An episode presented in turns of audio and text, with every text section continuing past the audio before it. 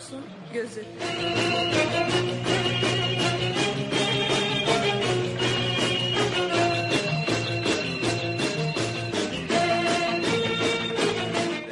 Kültür, sanat, şiir, felsefe,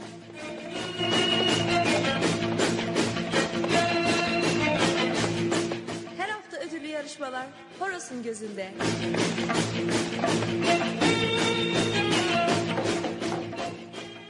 Horos'un gözü.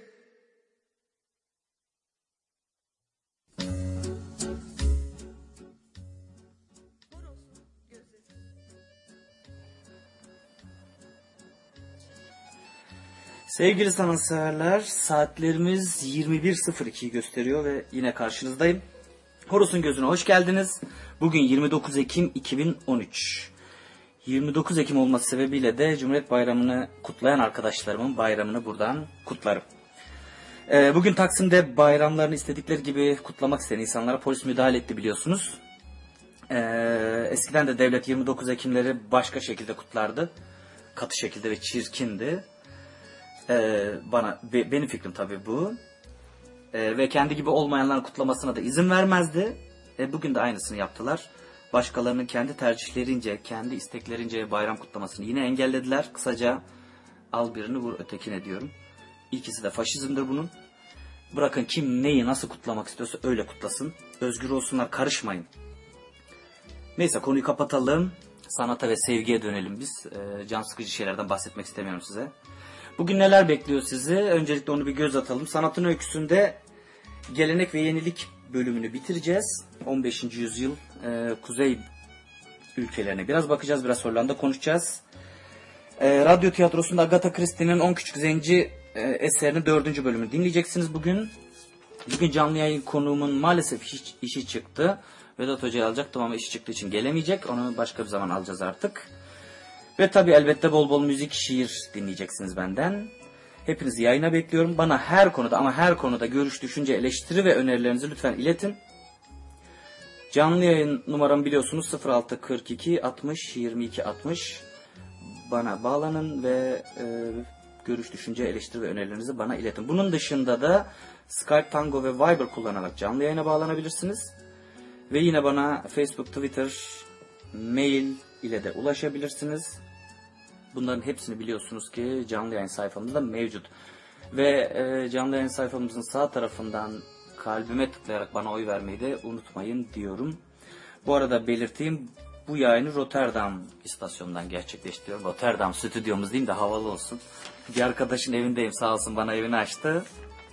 Ona da teşekkür ediyorum. Arada kahve getirecek bana söz verdi. Efendim bugün dediğim gibi 29 Ekim. 29 Ekim'de neler olmuş bir bakalım. 29 Ekim 1943'te Müjdat Gezen doğmuş. Kendisini tanıyorsunuz tabii ki de sinemacı, tiyatrocu, şair, eğitmen.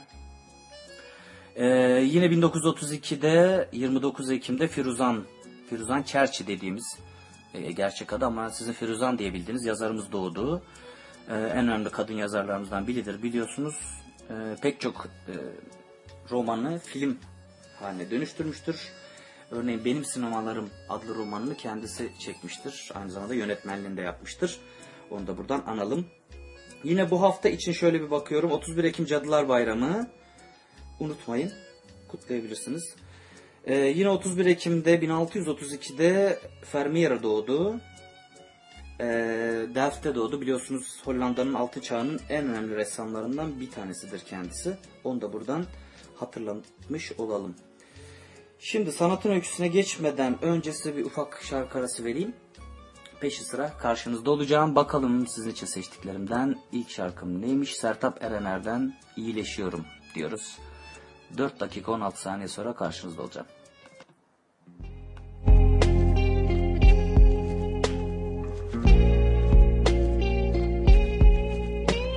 Neyim varsa kaldırıp çöpe attım Saçlarımı kestirdim hemen sarıya boyattım. Bir tanem diye kaydetmiştim ya hani telefonuma. Sildim derhal herkes gibi adını yazdım. Sensizlik bana çok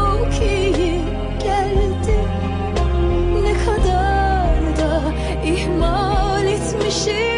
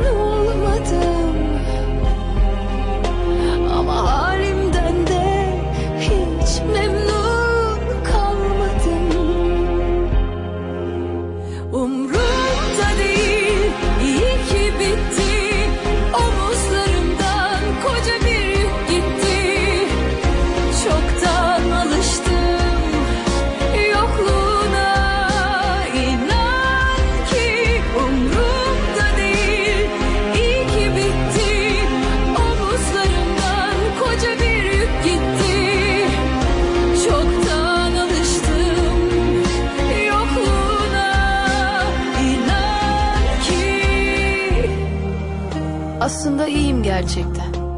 Bir kere özgür hissediyorum kendimi. Çapraz yatıyorum yatakta. Oh be diyorum. Her şey tamamen benim artık. Canım ne isterse onu yapıyorum.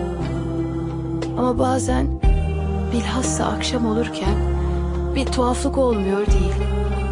Sızlıyorum. Özlüyorum. Resimlerini atamıyorum mesela. Bakamıyorum. Çok kızıyorum. Üzmek istiyorum seni. Canını yakmak istiyorum. Sonra yatışıyorum. Sana da üzülüyorum. Ama iyileşiyorum ya.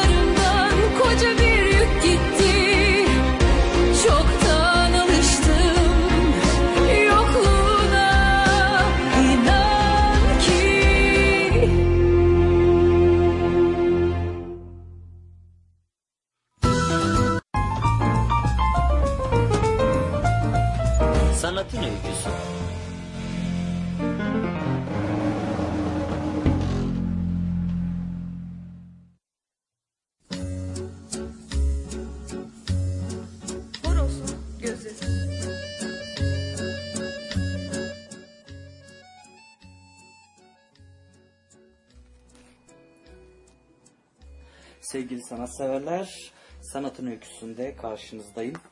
Hatırlarsınız geçen hafta biraz kuzeyden biraz konuşmuştuk. 15. yüzyılın sonlarından. Rogier'dan konuşmuştuk. Van Eyck'ten konuşmuştuk. Onun buluşlarını anlatmıştık. Hatta demiştik e, kuzeyli sanatçılar artık sanatın yeni gereksinimlerini eski dinsel amaçla uzlaştırmaya çalışacaklar demiştik. Ee, ve bu çabaları da 15. yüzyılın ikinci yarısının en büyük Flement, Flemenk sanatçılar arasında yer alan e, Hugo van der Goes'un bir yapıtında görebiliriz. Ee, onunla birlikte de sanatın öyküsünü yine konuşmaya başlayalım. Geçen hafta yaptığımız gibi yapacağım. Yine görselleri tek tek efendim ilkini şimdi yapıyorum hemen. Ee, Facebook'tan yükleyeceğim. Ama bu arada dediğim daha önceden söylediğim gibi e, bu görseller web sitemizde mevcuttur. emirmahmudoğlu.org sitesine girerseniz orada da toplu halde bütün bu görselleri ve açıklamalarını görebilirsiniz. E, efendim ilkini seçiyorum. Bu seçtiğim resim Hugo van der Goes'un e, Meryem'in ölümünü anlatan bir tablosu. 1480 civarlarında yapılmış. Bir sunak resmi olarak yapılmış. Ahşap üzerine yağlı boya şeklinde. E, 146 santime 121 santimlik bir resimdir bu. Ve e, Groningen Müzesi'nde durur. E, Groningen Müzesi de e, Bruges'deki Groningen Müzesi'nde durur. E, birazdan o resimden bir ayrıntı da yayınlayacağım size. Van der Goes bu erken dönemde yaşamış Kuzeyli ustalardan hakkında kişisel bilgilere sahip olduğumuz nadir insanlardan biri. Aslında son yıllarını da suçluluk kompleksine ve karamsallığa kapılarak e, bir manastırda gönüllü olarak geçirdiğini biliyoruz tarihten. E, nitekim e, Van der Goes'un sanatında onu Van Eyck'in e, rahat ruh e, durumundan ayırt eden bir gerginlik ve ciddiyet görürsünüz. Bu resme de bakın Meryem ölümü sahnesi. E, bizi her şeyden önce etkileyen şey 12 havarinin olay karşısında gösterdikleri değişik tepkilerin betimlemeleri. Resme dikkatle incelerseniz her birinde farklı bir betimleme vardır. Figürlerin yüzlerindeki ifadeler e, düşünceli bir sessizlikten duygu yüklü bir hüzne ve hatta aşırı şaşkınlığa kadar değişmektedir. E, aynı konuyu işleyen daha önce konuşmuştuk bilmiyorum hatırlar mısınız? Strasbourg Katedrali'nin e, ana kapısındaki kabartmaya hatırlarsanız Van der Goes'un ulaştığı başarıyı daha iyi anlarsınız aslında. E, kabartmanın havarileriyle tablodaki değişik tipleri karşılaştırırsak kabartmadakilerin hepsinin birbirine benzediğini görürsünüz. E, kabartmaları yapan sanatçı için figürleri daha anlaşılır bir biçimde yerleştirmek ne kadar kolay e, olmuştu. E, oysa o Van der Goes'un aksine ne mekan yanılsaması ne de perspektif kısaltımıyla uğraşmak zorundaydı. Van der Goes'un gerçekçi bir sahne yaratmak ve aynı zamanda resmin yüzeyindeki hiçbir plan, hiçbir yeri e, boş ve anlamsız bırakmamak için harcadığı çabayı hissedeceksiniz resme baktığınızda. E, ön plandaki iki havari ve yatağın üstünde havada duran görüntü tabii ki de e, ressamın figürleri tablonun içine yayarak onları açık seçik görülebilecek şek- şekilde yerleştirmeye çalıştığını aslında açıkça gösteriyor. Bu belirgin zorlama figürlerin hareketlerinin kasılmasına aslında neden oluyor. Ancak bu da kolları açık onu bekleyen e, oğlunun görüntüsünü seyre- seyreden huzur dolu Meryem'in çevresini kuşatan heyecan ve gerilim hissinin de artmasına aynı zamanda katkıda bulunuyor aslında. E, hemen bu resimden bir de size Facebook'a yine ayrıntı yükleyeyim. O ayrıntıdaki efendim hemen bakıyorum.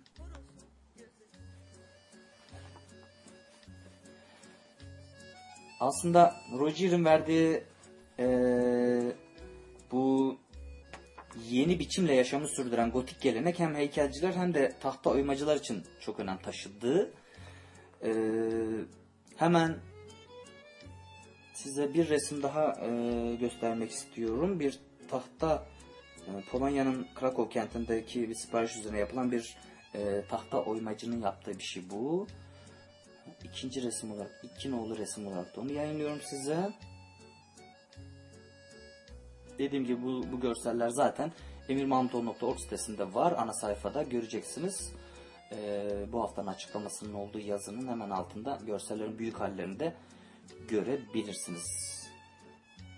Bu resim 1477-1489 civarlarında Meryem Ana Kilisesi'nin sunağını süslemek için yapılmış bir e, tahta ahşap bir sunak e, boyasını gösteriyor. Boyanmış bir ah- ahşap aslında bu. E, ve sipariş üzerine yapılmış. E, bu oyma bir mas e, sunak. Bu yapısının sanatçısı uzun yaşamının e, çoğunu Almanya'nın Nürnberg kentinde geçiriyor. Ve 1533'te yine orada ölüyor. E, adı Wade Stoss. Bu, bu eserdeki küçük betimlemelerde bile kolay anlaşılır bir tasarım değeri görürsünüz. Çünkü sunak masasından uzakta duran cemaat gibi biz de resmi baktığımızda ana sahnelerin anlamını güçlük çekmeden çözebiliyoruz aslında. Ortadaki bölümde yine Meryem ve onu çevreleyen 12 havari ile Meryem'in ölümlü, ölümü anlatılıyor. fark edeceğiniz üzere. Fakat bu sefer Meryem yatakta uzanmış değil de diz çöküp dua ederken gösterilmiş.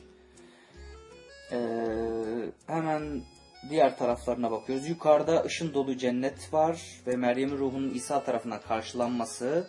En üstte de Meryem'e baba tanrı ile oğul tarafından taş takılması sahnesi var. Bunlar canlandırmış. Bu önemli olaylar dizisi yine e, Meryem'in yedi sevinci diye biliniyor aslında Hristiyanlıkta. Sol kanadın üstünde yine e, Meryem'e müjde, onun altında orta bölümde e, İsa'nın doğuşu var ve en altta da e, müneccimlerin tapılması sahneleri var. Sağ tarafta da e, yukarıdan aşağı doğru sırayla İsa'nın dirilişi, göğe yükselişi ve e, Pentekost'ta kuts- kutsal ruhun e, inişini anlatıyor. Meryem adamış bayramlar biliyorsunuz. E, ama oymaya iyice yaklaştığında yaklaştığınızda azizlerin e, şahane başlarında ve ellerinde Weissstoss'un sanatının gerçekçiliğini ve e, ifadeselliğini diyelim görüp hayran hakikaten olursunuz. 15. yüzyılın ortalarında Almanya'da çok önemli bir teknik buluş gerçekleştirilmişti. Ona kısaca bir değinelim. Bu buluş e, gelecekte birçok şeyin yanı sıra sanatın gelişmesine de çok önemli e, katkısı olan bir baskı tekniğiydi aslında. Bu teknik e, kitaplardan önce resimlerde kullanıldı tabii ki de. Üstüne aziz resimleri ve dua metni basılan yapraklar hacılara ya da kilise dışında dua etmek isteyenlere dağıtılıyordu. Bu resimleri basmak için kullanılan yöntem de aslında çok basitti. E, daha sonraları harflerin basımında da kullanılan yöntemlerle aslında aynıydı. Şöyle ki bir tahta parçası alınıyor, baskıda çıkmaması gereken yerlere oyuluyordu. Başka bir deyişle beyaz çıkması gereken yerlerin oyulması gerekiyordu. Böylece de siyah çıkması istenen yerler çıkıntılı kalıyordu. Sonuçta elde edilen kalıp da dıştan bakıldığında bugün kullandığımız herhangi bir lastik mühüre benziyordu. Kağıda baskı yapmak için de e, kullanılan yöntem tamamen aynıydı. E, kağıt, yağ ve kurumdan oluşan matbaa mürekkebi sürülmüş kalıbın üzerine konarak bastırılıyordu. Tabii ki de tahtadan yapılmış bir kalıp iyice eskimeden önce çok sayıda baskı yapabilme yeteneğine de sahipti. O yüzden de resimlerin e, basımı için kullanılan bu basit tekniğe tahta baskı denir. E, ağaç baskı da denir. Bunu da arada geçelim. Tahta baskı çok ucuz bir yöntem olduğu için hemen tabii ki yayıldı. E, belirli sayıda e, tahta kalıp bir dizi resmin basımı için kullanılabiliyordu. Resim e, basılı sayfalar sonra da bir kitap oluşturacak biçimde bir araya getirilebiliyordu. İşte bu yolla basılmış kitaplara da e, block book, tahta baskı kitap deniyordu. E, tahta baskı resimler ve kitaplar bir süre sonra halk pazarlarında da görülmeye başlandı. Bu yöntemle de oyun kağıtları işte ne bileyim komik resimler, dinsel amaçlı baskılar yapılıyordu. Ben size hemen bunun da bir örneğini göstermek isterim. Güzel örneğin örneklerinden bir tanesini yine Facebook'a atıyorum. Ee, bu koyduğum inançlı insan ölüm döşeğinde diye bir çalışma 1470 dolaylarında yapılmış tahta baskıyla. Ee, 22,5 16,5 santimlik bir şey. Ölümde yapılmış. İyi Ölme Sanatı diye bir kitabın e, içindeki bir resim olarak tasarlanmış ve konmuş. Facebook'a koydum efendim. E, kilise tarafından vaaz yerine kullanılan tahta baskı resimli bir kitaptan alınmış bir sayfa bu. Bu resimli vaazın amacı insanlara ölüm vaktini anımsatmak ve adından da anlaşılacağı üzere onlara iyi ölme sanatını öğretmek. E, baskıda ölüm döşeğinde yatan inançlı bir adam ve yanında eline yanan bir mum veren bir papaz görülüyor. Adamın ağzından e, dua eden bir figür halinde çıkan ruhunu bir melek orada kabul ediyor. E, bakarsanız. Arkada işte e, ölmek olan, adam, olan adamın tüm düşüncelerini e, yönetmesi gereken İsa ve azizler yer alıyor. Yine ön planda en çirkin biçimlerle e, betimlenmiş bir sürü işte iblis var. Onları da görüyorsunuz. Ağızlarından çıkan yazılardan da ne söylediklerini aslında anlıyoruz. E, Latin Almancalarından. E, öfkeden titriyorum. Onurumuzu yitirdik diyor. Şaşkınlık içindeyim ve bunun tesellisi yok diyor. Sonuncu da kaçırdık onun ruhunu elimizden diyor. Bu iğrenç, iğrenç yaratıkların e, karanlıları boşuna çünkü iyi ölme sanatını bilen adamın cehennemin güçlüklerinden e, korkmasına da gerek yoktur. Kitabın temel şeyi de bu zaten. Gutenberg'in bir çerçeve içine yerleştirilen e, değiştirilebilir harflerle baskı yapmayı bulmasıyla da her sayfa için tek tahta kalıbın kullanıldığı eski tip e, baskı tekniği tahta, tarihe karışmış oldu. Yine de metnin resimlenmesi için tahta kalıpların kullanılmasına devam edildi elbette. Nitekim 16. yüzyılın son yarısında da birçok tahta kitap e, şey tahta birçok kitap tahta kitap baskısıyla resimlendi. E, tahta kalıp kullanımı bütün var, rağmen resim baskısı için oldukça kabaydı. Tabii ki de. Aslında bazen bu resimleri etkili kılan şeyin bu kabalık olduğu da doğrudur ama Orta Çağ sonlarının bu yaygın baskıları günümüzün en iyi ilan afişini anımsatabilir bize. Çizgileri basit ve sadedir. Ama bu dönem büyük sanatçıların tutkuları çok daha farklıydı. Bu ustalar e, ayrıntıdaki ustalıklarını, gözlem yeteneklerini göstermek istiyorlardı. O yüzden de tahta baskı bu amaca çok uygun değildi. Bu yüzden bu ustalar daha hassas etkiler yaratabilecekleri başka bir malzeme seçtiler. Tahta yerine bakır kullanmaya başladılar. E, bakır oyma baskının dayandığı ilke tahta baskınınkinden birazcık farklı. Tahta baskıda basılmış olarak görülmesi gereken çizgiler dışında her yer oyuluyor. Oysa bak, bakır oymada da baskıda basılması gereken çizgiler tığ kalem denilen sivri uçlu böyle e, özel bir araçla bakır üzerine çiziliyor. Maddenin üzerine de e, bakır üzerine de bu yöntemle uyulmuş çizgi kendi içine dökülen boyayı veya baskı mürekkebini tutuyor. Bu yüzden yapılması gereken e, çizilmiş bakır plakayı baskı mürekkebiyle sıvayıp sonra da yüzeyde kalan boyayı temizlemek. Bu plakayı bir kağıda, kağıda sıkıca bastırdığınızda da e, kalemle uymuş çizgilerin içindeki mürekkep kağıda geçiyor.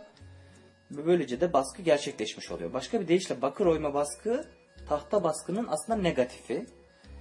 Tahta baskıda çizgiler kabartma haline getirilerek bakır oyma baskıda da çizgilerin plakaya oyulmasıyla e, bu sistem elde ediliyor. E, Tabi bakır e, bakırdan yapılan bu plakalar elbette ki daha hassas çizimleri ve daha hassas resimleri yapmaya e, yarıyordu ve daha güzel bir etki bırakıyordu. E, 15. yüzyılın en ünlü oyma baskı ressamlarından bir tanesi de Martin e, Schoenhauer. Çok zor e, söylenen bir isim var. Schoenhauer'dan doğru söylediğimden de emin değilim. E, bu yukarı Ren bölgesinde şimdiki e, Kolmar kentinde yaşamış.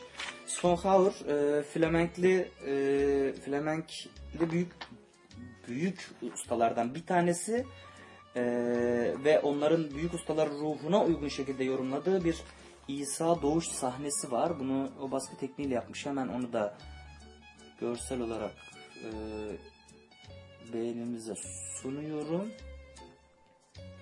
Yani bir baskıyla bu kadar detaylı bir resmin e, hem de perspektif kısaltımı kullanılarak bu hissi vererek yapılmış olması e, inanıyorum ki sizin de gayet beğeneceğiniz bir şey olacak. E, diğer bu büyük ustalar gibi Schoenhauer da bir, e, betimlediği nesnelerin dokusunu ve yüzeyini bize duyurmaya çalışarak olayı en ufak ayrıntısına varıncaya dek e, belirtmeye çalışmış, betimlemeye çalışmış. Bunun için çaba göstermiş. Sanatçının amacına fırça ve rengin yardım olmadan yağlı boya kullanmadan ulaşmış olması da bir mucize gibi aslında gerçekten. Ee, bu dediğim gibi 1470-73 dolaylarında yapılmış bir gravür, oyma resim. Ee, 25-17 santim bunun büyüklüğü. Hakikaten çok özel bir şey. Bunu bir baskı tekniğiyle bu kadar detaylı yapmak çok çok e, iyi bir sanatçının işi. Onun oyma resimlerini büyüteçle inceleyerek e, kırık tuğlaların, taş aralarındaki çiçeklerin, tavana doğru tırmanan sarmaşıkların, işte ne bileyim hayvanların tüylerinin, e, içindeki çobanların saç sakallarını nasıl betimlediğini gerçekten dikkatlice görebilirsiniz, inceleyebilirsiniz. Ne var ki e, tek hayran kalmamız gereken şey onun e, sabır ve tekniği değil. Bu resimle, resimden tığ kalem işçiliğinin güçlülüğünü hesap etmeden de aslında zevk alabilirsiniz. İşte yıkıntı halinde olduğu için ahır niyetine kullanılan kilisede e, pelerinin bir ucuna e, özenle yatırdığı çocuğuna tapınan Meryem, e, Aziz Yusuf elinde bir fenerle Meryem endişeli ve babacan bir ifadeyle bakıyor. E, yine bilmiyorum Facebook resmi bu kadar kalite yüklemiyor olabilir ama siteden bakarsanız daha net görürsünüz. Öküz ve eşek var. Onlar ise Meryem'le birlikte ibadet ediyorlar. E, alçak gönüllü çobanlar da eşiği geçmek üzereler, çıkmak üzereler. Yüz ifadelerinden anlıyoruz bunların alçak gönüllü olduğunu. Bunların en arkada olanı e, Melek'ten müjdeyi alıyor. Sağ üst köşede e, dünyada barış ilahisini söyleyen bir melek grubunu görüyorsunuz. Yani bütün bölgeler Hristiyan sanatı geleneğinde derinlemesine kökleşmiş motifler tabi. Ancak bu motiflerin e, sayfa üzerinde bir araya getiriliş şekli tamamen Schoenhauer'a özgü.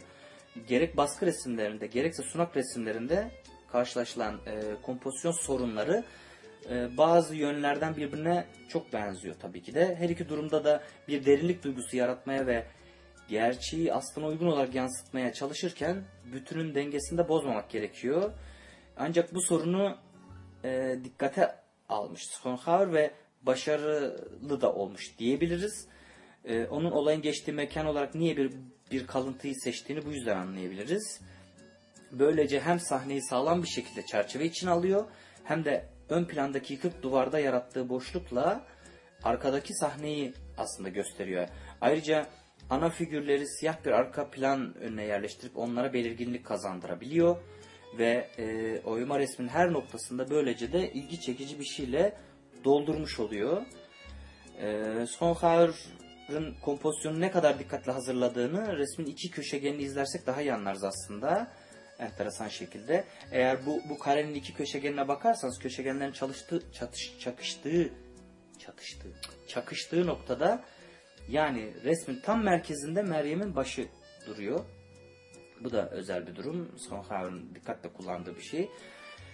Ee, tahta baskı ve oyma resim sanatı Avrupa'ya tabii çok çabuk yayıldı. İtalya'da Mantegna ve Botticelli tarzında, e, Flamenco ve Fransa'da başka tarzlarda oymalarla karşılaşıyoruz tabii ki de. Bu baskılar Avrupa sanatçıların e, karşılıklı düşünce alışverişinde bulunmalarını da sağlayan araçlardan bir tanesi oldu. O dönem e, başka bir sanatçıdan bir düşünce veya tüm bir kompozisyonu almak henüz ayıp bir şey değildi. O yüzden de sanatçılar bunları değişebiliyorlardı birbirleriyle. O dönemlerde başka bir sanatçıdan e, daha az önemli ustaların diyeyim birçoğu e, bu oyma resimleri kendilerine model alarak aslında kopya ettiler. E, kendilerine bir kopyalarını yaptılar. Baskının bulunuşunun e, düşünce alışverişini hızlandırması ve reform hareketinin de gerçekleşmesini sağlaması gibi aynı matbaanın bunu yapması gibi resimlerin basılması da İtalyan Rönesansı'nın Avrupa'nın öteki ülkelerindeki zaferini aslında perçinlemiş oldu. Böylelikle de sanatta ortaya çıkan bunalım mı e, bundan itibaren çıkacak bunalım sadece ve sadece büyük ustalar e, aşabilecekti. E, tabii ki de bu büyük ustalar dönemini yavaş yavaş girmiş olacağız. E, buradan itibaren haftaya geçelim diyorum. Bunu e, bunları anlatmayı haftaya bırakalım. Haftaya Toskana ve Roma'ya bakacağız. 16. yüzyıl başlarına bir göz atacağız. Ve ulaşılan uyumu biraz konuşacağız. Botticelli'yi falan konuşacağız. Ee, haftaya da buna devam edelim derim efendim. Şimdi bir nefesleneyim, bir sigara yakayım ve bir kahve ve e, müzik molası verelim. Arkasından karşınızdayım. Sanatın öyküsü.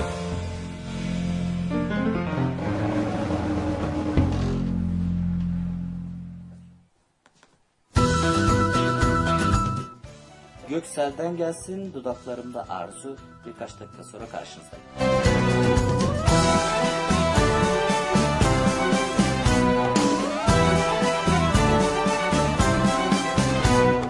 Dudaklarında arzu, kollarında Bakan bir çift göz, ben olayım sevgilim. Dudaklarında arzu, kollarında yalnız ben. Sana bakan bir çift göz, ben olayım sevgilim.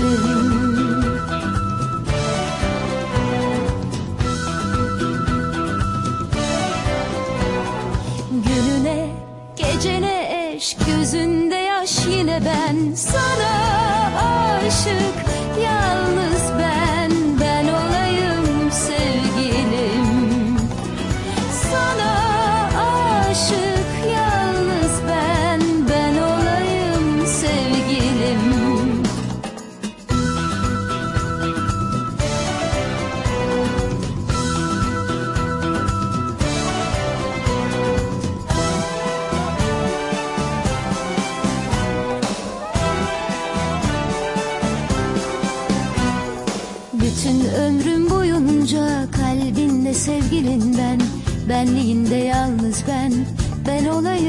olayım sevgilin Bütün ömrüm boyunca kalbinde sevgilin ben. Benliğinde yalnız ben Ben olayım sevgilin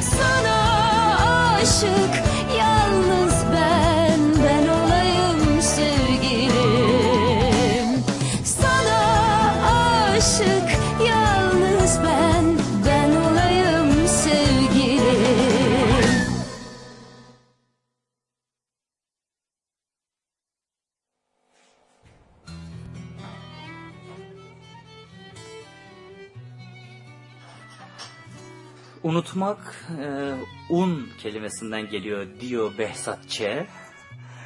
Diyor ki bir şeyi bütün olarak unutmak imkansızdır. Önce onu un ufak edersiniz ki küçük küçük parçalar halinde unutabilirsiniz diyor. E, tabii ki unutmak kelimesi kökeni bu mu? Bir arkadaşımdan az önce duydum ben bunu. Eda İstanbul'dan. Böyle bir Behzat Ç repliği verdi bana. Ben de bunu size hatırlatayım dedim. Şarkıya devam edelim. Özgün Toz'la Toz diyor bize. Onu dinlemeye devam edelim. Yine karşınızda olacağım. O benim olmadı olmasın Unuturum adımı bile anmasa Önemi yok. O beni sormadı sormasın. Yolumu bulmadı kimse karışmasın. Dönüşü yok o benim olmadı olmasın. Unuturum adımı bile anmasa Önemi yok. O beni sormadı sormasın. Yolumu bulmadı kimse karışmasın. Dönüşü yok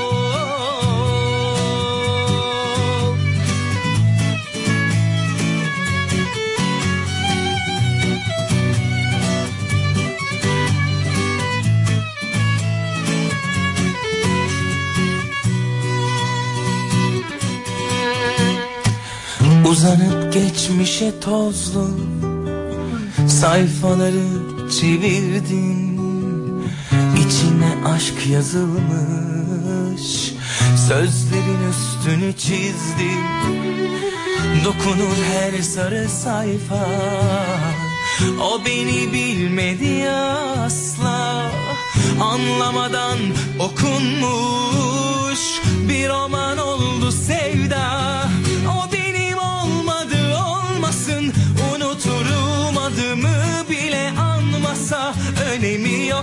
beni sormadı sormasın. Yolumu bulmadı kimse karışmasın. Dönüşü yok o benim olmadı olmasın. Unuturum adımı bile anmasa. Önemi yok o beni sormadı sormasın. Yolumu bulmadı kimse karışmasın. Dönüşü yok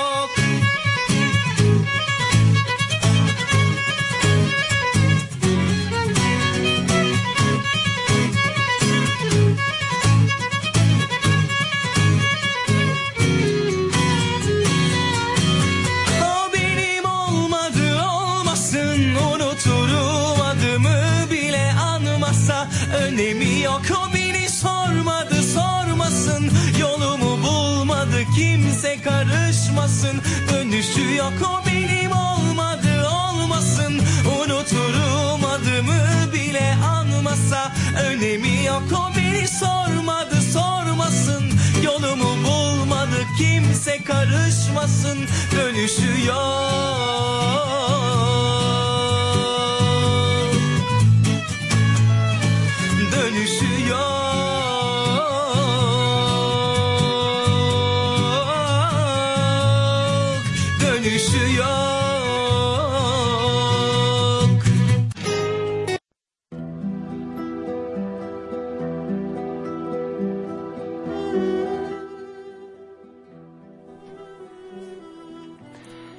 Hepimiz uzun uzun sıkılırız.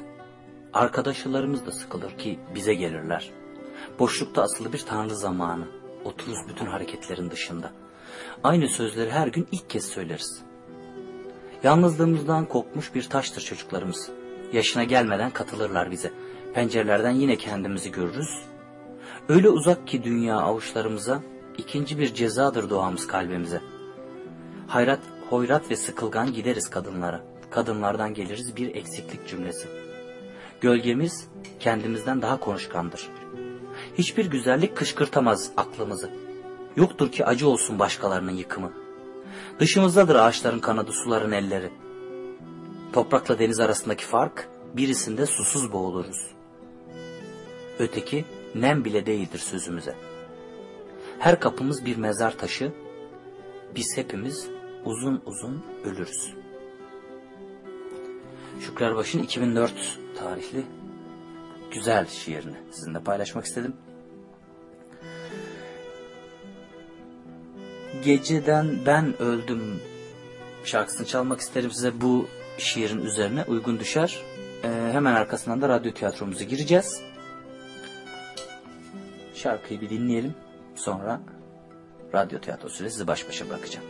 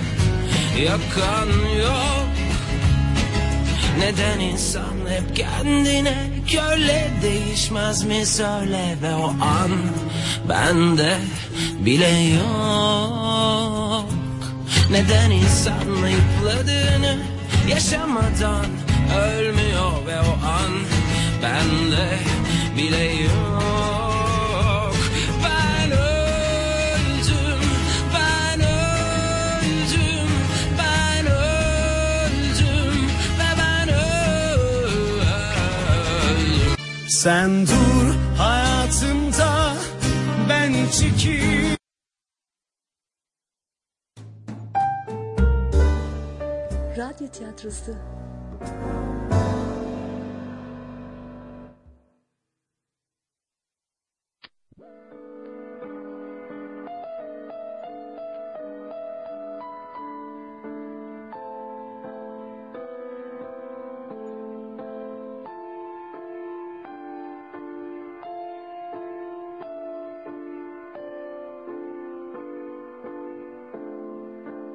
Arkası yarın.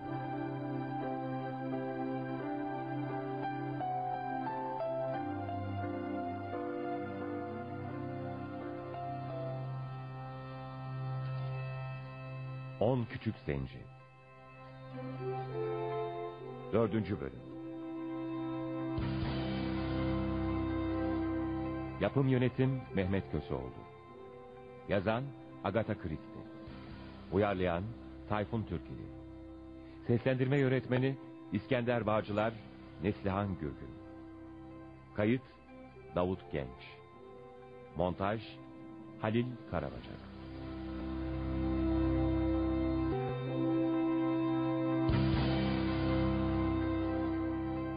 Birbirlerini daha önce hiç görmemiş üçü kadın yedi erkek Oğun adında bir adam tarafından Zenci Adası'na misafir olarak çağrılırlar. Ancak tanımadıkları bu adamın ıssız bir adaya kendilerini niçin çağırdığını merak ederler. Akşam yemeği sırasında birden gramofondaki plaktan gelen bir sesle irkilirler. Plaktaki meşhur adam evine çağırdığı konuklarını birilerini öldürmekle suçlayınca aralarında panik başlar. Şimdi adadaki herkes birbirinden şüphe etmektedir. Ve aynı gece Anthony Marston adlı genç kadehine konan zehirle öldürülür.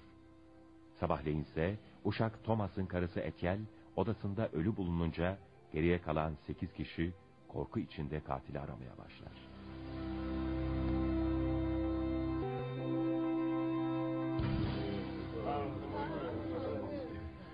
Şey, e, doktor bey, e, size bir şey söyleyebilir miyim efendim? Ne var ne oldu Thomas? Yüzün bembeyaz. Bir şey mi oldu? Şey efendim, sizinle içerki odada konuşabilir miyiz acaba? Ee, tabii. Evet seni dinliyorum Thomas. Ee, burada çok garip şeyler oluyor efendim. Anlayamadığım garip şeyler. Ne gibi garip şeyler? Ee, belki beni deli zannedeceksiniz efendim ama hadiseleri bir türlü izah edemiyorum. Neyi izah edemiyorsun? Lütfen bilmece sorar gibi konuşmayı bırakır mısın Thomas? Efendim şu küçük porselen biblolar var ya. Evet görüyorum. Ne olmuş onlara? Şey biliyorsunuz onlar on taneydi. Yemin edebilirim on tane olduklarına. Tamam canım yemin etmene gerek yok. Ben de onların on tane olduğunu biliyorum. Dün gece biz de saymıştık. Fakat dün gece e, sizler yatmak için odanıza gittiğinizde ben onları saydım. Dokuz tane kalmışlardı. Dün gece bunu fark ettiğim zaman tuhafıma gitmişti. Sonra sonra bu sabah efendim e, kahvaltı masasını toplarken inanmayacaksınız ama sekiz tane kaldığını gördüm. Ne? Sekiz tane mi? Yani ikisi kayboldu mu demek istiyoruz? Evet efendim. On taneydi. Şimdi ise sekiz tane kalmış efendim. Dün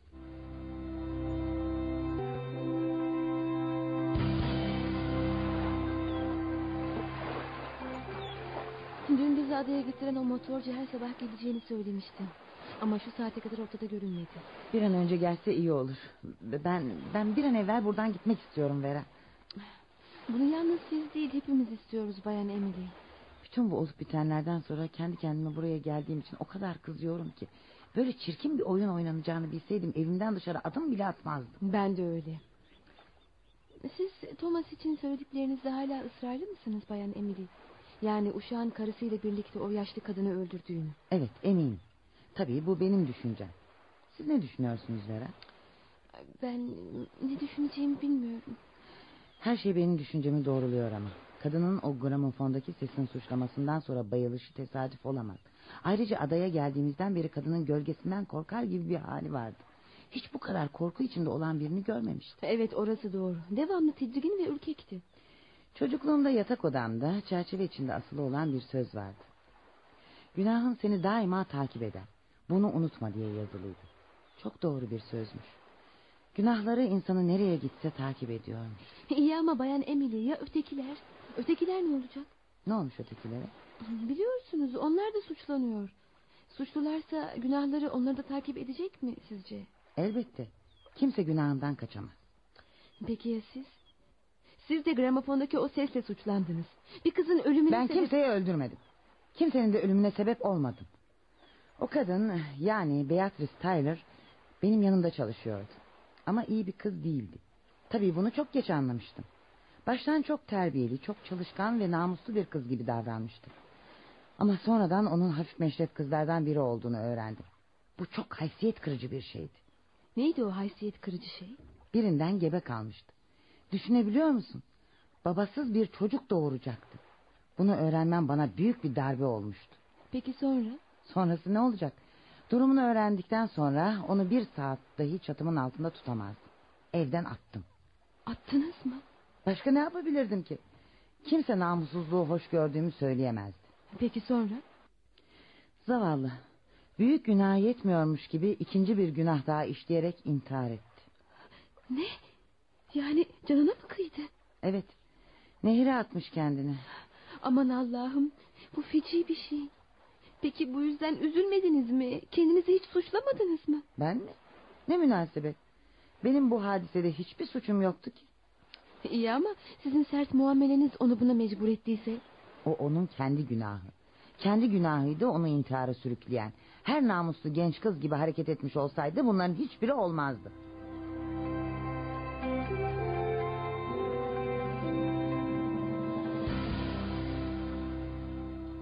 Bay Lombard sizinle biraz konuşabilir miyim? Elbette doktor buyurun sizi dinliyorum. Şu kadın hakkında ne düşünüyorsunuz? Hangi kadın doktor? Uşağın ölen karısı. Uşak Thomas karısını öldürmüş olabilir mi? Ha, bence olabilir. Yani Thomas'la karısının vaktiyle hanımlarını öldürdüklerini kabul edersek ki bunun doğru olmaması için bence hiçbir sebep yok. Evet olabilir tabi. Sizce Thomas'la karısı ihtiyar kadını nasıl öldürmüş olabilirler doktor? Zehirleyerek mi? Daha da basit bir şekilde yapabilirler. Thomas'la karısının baktıkları yaşlı kadın kalp hastasıymış. Bu çeşit kalp hastalığında kriz anında kullanılan bazı ilaçlar vardır. Eğer kadın kriz geçirdiğinde ona bu ilacı vermemişlerse kadın birkaç dakika içinde ölmüş olabilir. Yani bu kadar basit ha? Hı hı. Eğer öyleyse onlar için hayli kolay bir iş olmuştur bunu yapmak. E doğru. Ama böceklere karşı kullanılmak üzere satın alınmış olabilir. O da ancak bir bahçıvanın ya da amatör bir arazi sahibinin cebinde bulunabilir öyle değil mi? Hı hı. Yoksa Anthony Marston gibi birinin cebinde değil. Sanırım öyle. Boşuna varsayımlar üzerinde konuşmayalım doktor. Şu gerçek ki birisi Anthony Marston'ı zehirleyerek öldürdü. Yani o genç adam bir cinayete kurban gitti. Peki ya uşağın karısı? Bence o da bir cinayete kurban gitti. Başka bir şey daha var Bay Lombard. Nedir doktor? Salonda bulunan küçük zenci heykelcikleri hatırladınız mı? Aa, biliyorum 10 tane zenci biblosu. Ne olmuş onlara? Hmm, ne kadar ilginizi çeker. İki ölümle nasıl bağlantı kurarsınız bilmiyorum.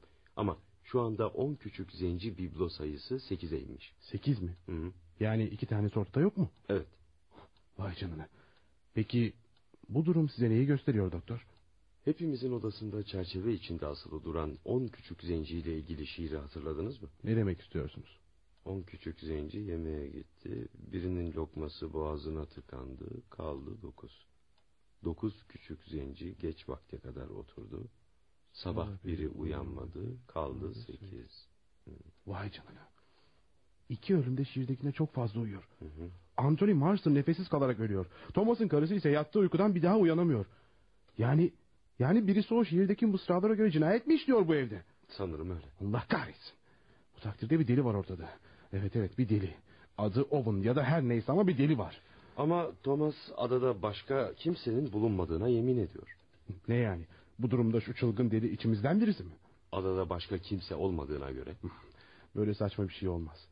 Thomas adada başka kimse olmadığını söylediğine göre ya yanılıyor ya da ya da yalan söylüyor. Hayır. Thomas'ın yalan söylediğini sanmıyorum Bay Lombard. Çünkü adam aklını kaçıracak kadar korkmuş durumda. Bak doktor. Katil bizi bu kahrolası adaya davet eden Owen'dan başkası olamaz. Çünkü her şeyi onun planladığı ortada. Ayrıca motor falan da gelmeyecek. Bu da bence planın bir parçası. Şu Owen her kimse işini bitirinceye kadar bu adaya kimse gelmeyecek. Bu adam tehlikeli bir manyak olabilir. Onu mutlaka bulup ortaya çıkartmamız gerekiyor. Merak etme buluruz. Üstünde bulunduğumuz bu ada hemen hemen çıplak bir kayadan ibaret. Saklanacak yer sayısı da çok az. Bu yüzden adayı ve evi araştırmak fazla vakit almaz. Hadi hemen başlayalım işe. Acele etmeyin. Bu çok tehlikeli olabilir.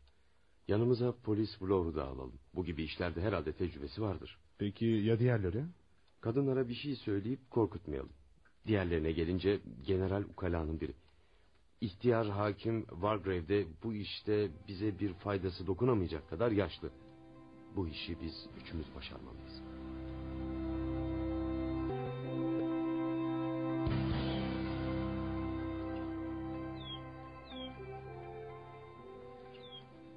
Evet, biz Bay Lombard'da böyle düşündük. Adayı ve evi arayıp şu Owen denilen manyak deliği bulmak istiyoruz. E, bize yardım edecek misiniz Bay Blord? Elbette doktor. Eğer o deli herkesin icabına bakmayı kafasına koymuşsa sıra bize de gelecektir. Yalnız bir şey var. Siyanür cepte taşınması normal olan bir şey değil. Bu zehir Antony'nin kadehine nasıl ve kim tarafından koyuldu? Hı hı, haklısın. Bunu ben de düşünüp duruyorum. Anthony dün gece birkaç kadeh içki içmişti. Yalnız son kadehini doldurduğu zaman ile içtiği zaman arasında hayli bir ara var. Bu zaman zarfında Anthony'nin kadehi masalardan birinin üzerinde duruyordu. Masada açık pencereden birinin önündeydi. Dışarıdan birisi pekala kadehin içine zehri boşaltmış olabilir. Yani hiçbirimiz görmeden mi? Neden olmasın? O sırada her birimiz bir şeyle meşguldük. Doğru. O sırada hepimiz ya birbirimizle konuşuyor ya da bir şeyle ilgileniyorduk. Evet, pekala mümkün olabilir. Şurası muhakkak ki bir araştırma yapmamız lazım. Kimsenin yanında tabanca falan yok değil mi? Bende var. Sahi mi? Sen her zaman tabanca taşır mısın Lombard? Genelde taşırım.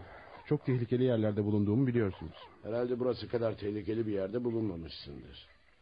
Eğer bu adada bir deli gizleniyorsa mutlaka beraberinde bir de ufak silah deposu getirmiştir. Bunda yanılmış olabilirsin. Zira eğer düşündüğümüz gibi ise bu tür manyaklar ekseriya efendi tipte kimseler. Sessiz ve sakin olurlar. Olabilir doktor ama ben bizim delinin sizin tarif ettiğiniz cinsten olduğunu zannetmiyorum. Her neyse her neyse hadi. Şu adayı tepeden tırnağa araştıralım baylar. Bizim manyak katilin bundan sonraki cinayetine engel olmaya çalışalım.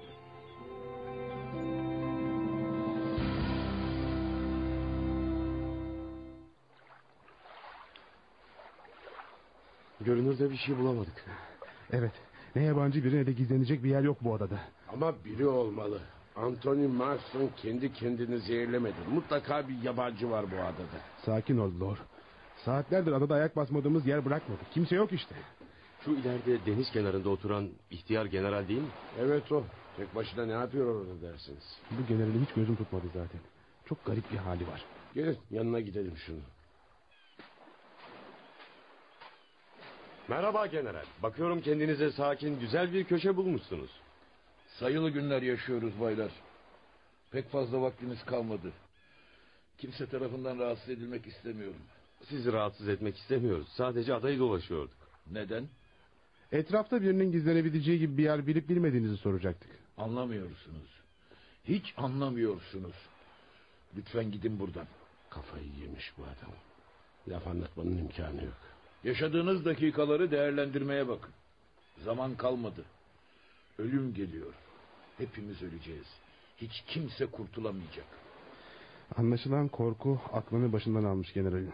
Ya da günahı kendisini rahatsız ediyor. Ne günahı? Gramofondaki sesin onun neyle itham ettiğini unuttunuz mu? Karısının aşığını ölüme göndermekle suçlamıştı. Ne dersiniz doğru mu bu acaba? Kim bilir? Hadi uzaklaşalım buradan.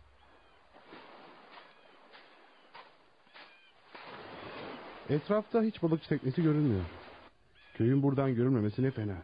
İşaret verebilir ya da yardım istemek için bir şeyler yapabilirdik. Bu gece işaret vermek için ateş yakabiliriz.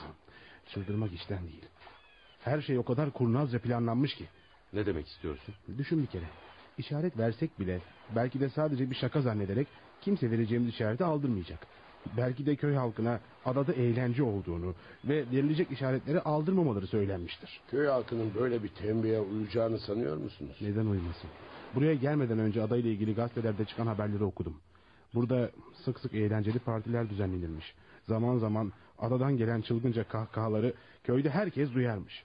Bu yüzden bizim yaktığımız ateşi görseler bile eğlendiğimizi sanacaklar. Evet. Göreceğimiz kadarını gördük dostlar. Evet. Kimsenin buralarda bir yerde saklanmış olmasına imkan yok. Yamaç çok dik. Orada kimse saklanamaz. Evet ama yamacın bir yerinde bir mağara olabilir. Bence aşağı inip kontrol etmekte yarar var. Aşağı inemeyiz Blor. Çok dik. Kayaların üzerine düşüp parçalanabiliriz. Bir ip bulabilirsek inilebilir. Siz isterseniz burada bekleyin ben eve gidip ip bulmaya çalışayım. Madem çok istiyorsun Hı hı. git bakalım. Tamam.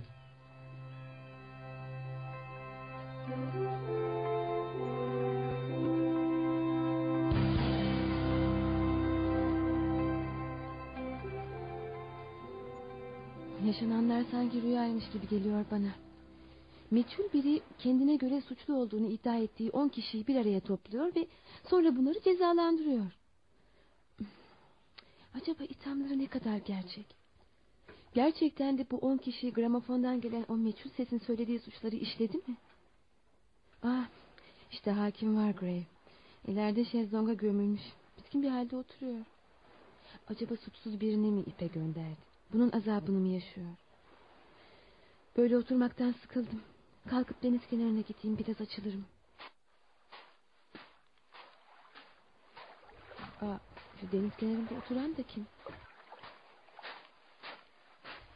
Ha, General MacArthur'muş. Gramofondaki meçhul sesin ithamı zavallı adamı çok sarstı. O zamandan beri yüzü hiç gülmüyor. 10 Küçük Zenci adlı oyunumuzun dördüncü bölümünü dinlediniz. Beşinci bölümde buluşmak üzere, hoşçakalın.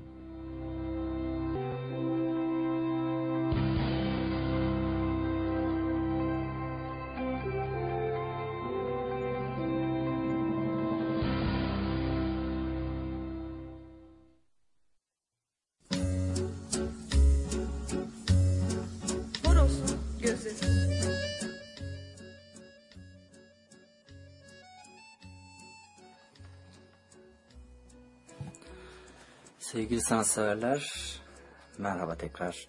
İki gün önce bir arkadaşımızın doğum günüydü. Ona buradan bir ufak bir metin okumak istiyorum. Doğum gününü kutlamak istiyorum. Buradan Sibel ve Füveyt'ten Sibel sana söylüyorum.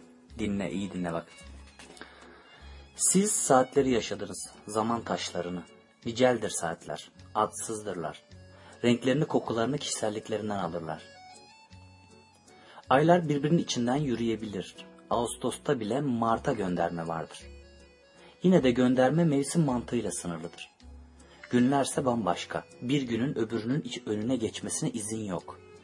Günün gizi hem kişiselliğimizde hem de onun kendi kişiselliğinde. Siz saatleri yaşadınız. Henüz sözcük haline dönüşmemiş ya da bir sözcük karşılığı oluşmamış durumlar yarattınız tanığımızın. Aylar ayları açıklıyor, saatler saatleri kum saatiyle açıklayabiliyor. Açıklanmayan tek şey ise aşk, en büyük sayrılık ve en büyük sağlık. Günü tam gelmemiş olarak bir yanını gizleyen duygu. Denetçi anlamaz, tarihçi atlar, terzi bir araya getiremez, sanatçı elden kaçırır. Mutlu yıllar Sibelciğim. Efendim şimdi gece yolcularından sırılsıklamı bir dinleyelim. Peşi sıra yine karşınızda olayım.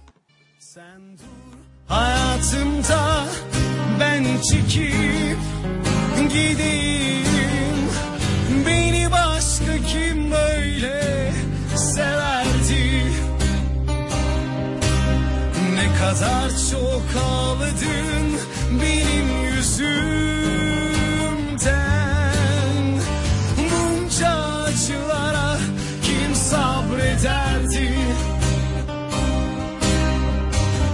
Vazgeçebilir insan kendi yüreğinden. Ya ben nasıl vazgeçtim senden? Sırılsıklam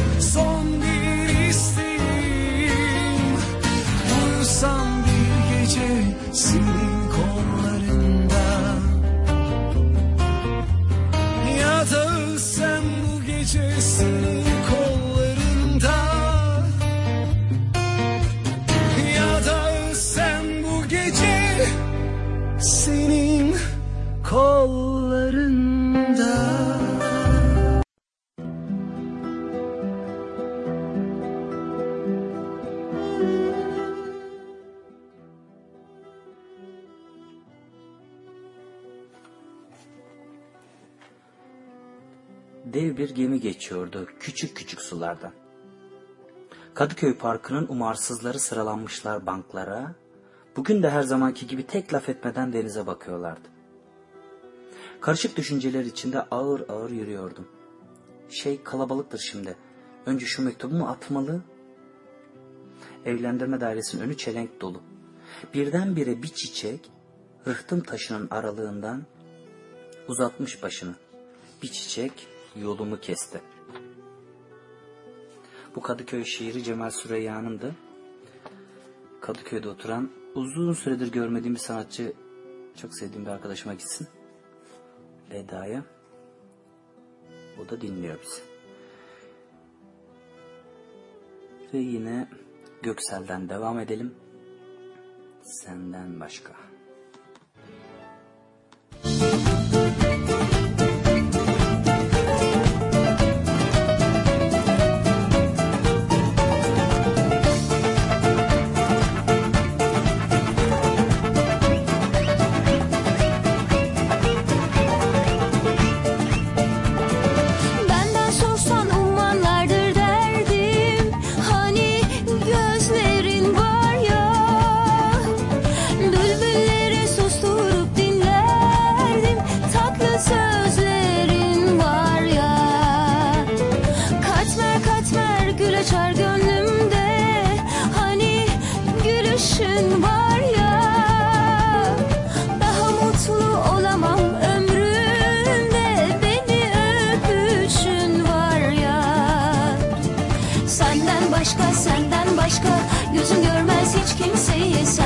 Başka senden başka. Duyamam ben hiç kimseyi Senden başka senden başka. Sevemem ben hiç kimseyi Senden başka senden başka. Olamam senden başkasıyla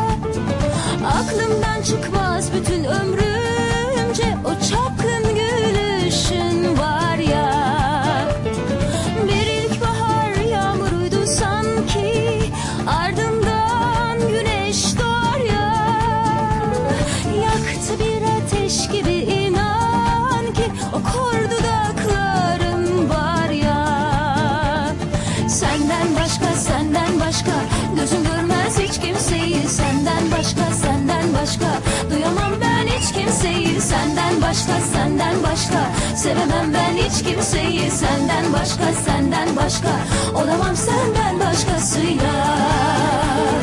Senden başka senden başka Gözüm görmez hiç kimseyi. Senden başka senden başka Duyamam ben hiç kimseyi. Senden başka senden başka Sevemem ben hiç kimseyi. Senden başka senden başka Olamam. Senden başkasıyla.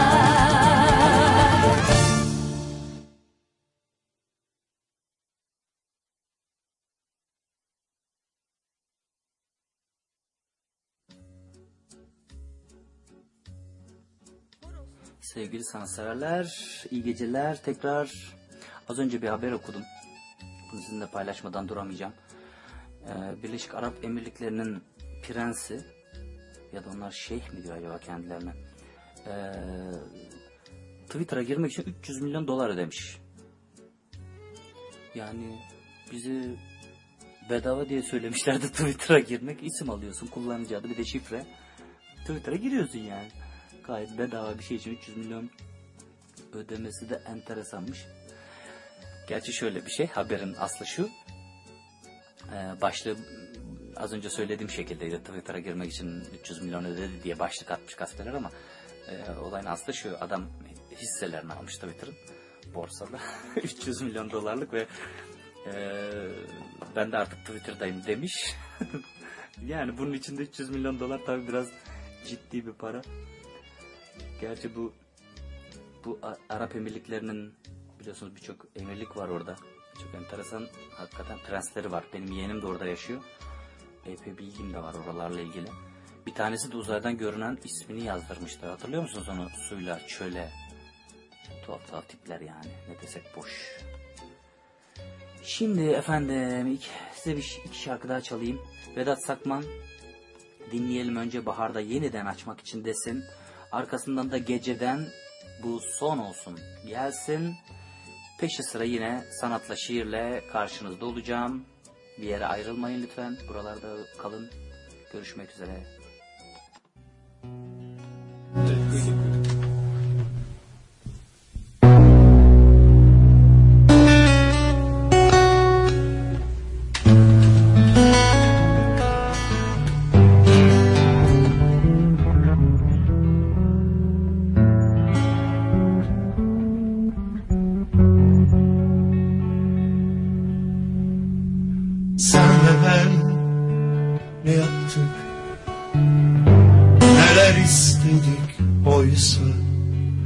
Sesin nefesin Tenin uzak bu mevsim.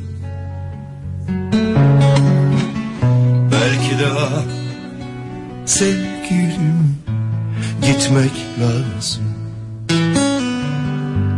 Baharda yeniden açabilmek için. Her yüzün, her acı, belki her iklim Baharda yeniden açabilmek için. Her üzün ah, her acı belki iklim. Baharda yeniden uçabilmek için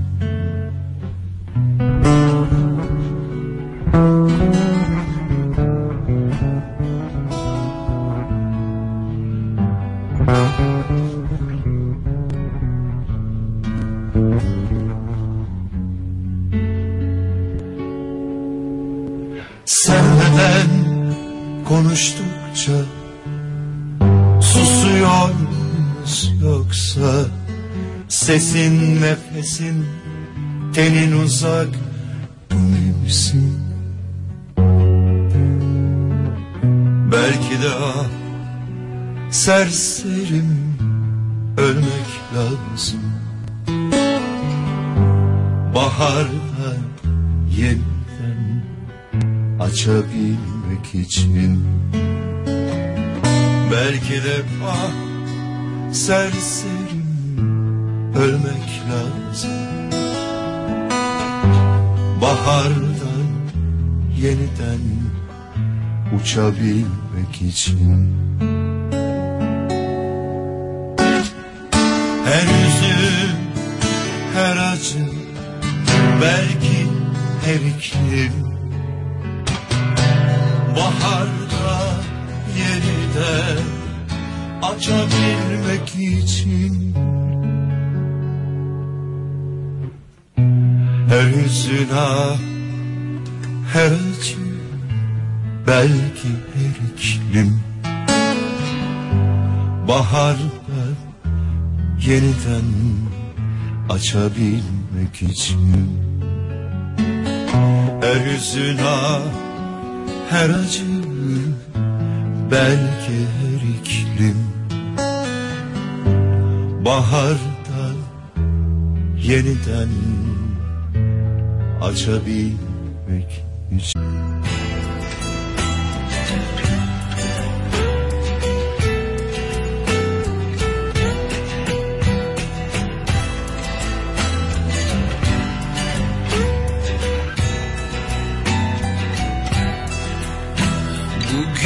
Sen çok gençsin yavrum.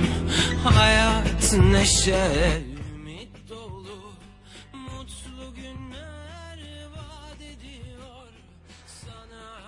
Sevgili sanatseverler, ölümün sanatsal olanı olur mu demeyin. Size dünyadan enteresan ölüm şekilleri anlatacağım şimdi. Bunları biraz konuşmak istiyorum gerçekten. Ee, birkaç tane ilginç size ölüm anlatacağım. Türkiye'den yok gerçi ama olsun. Buenos Aires'te e, karısına sinirlenip onu öldürmeye karar veren adam otelin 23. katındaki odalardan odadan karısını aşağıya atıyor. Kadın elektrik tellerine takılıyor ve ölmüyor. İşini sağlama almak isteyen adam da karısının peşinden atlıyor ve telleri tutunamıyor yere çakılıyor. İnanmıyorum ya çok acayip bölümler var gerçekten. Mısırlı çiftçi Nil nehrine düşen tavuğunu kurtarmak için suya atlıyor. Ancak girdaba yakalanıyor. Kıyıya dönemeyince bağırarak yardım istiyor. Bu kez oğlu suya atlıyor. O da girdaba kapılıyor. Beraberce yardım istiyorlar derken adamın kızı ve karısı da aynı şekilde peşi sıra atlıyorlar. Sonunda tavuk kurtuluyor. Ama aileden 6 kişi ölüyor.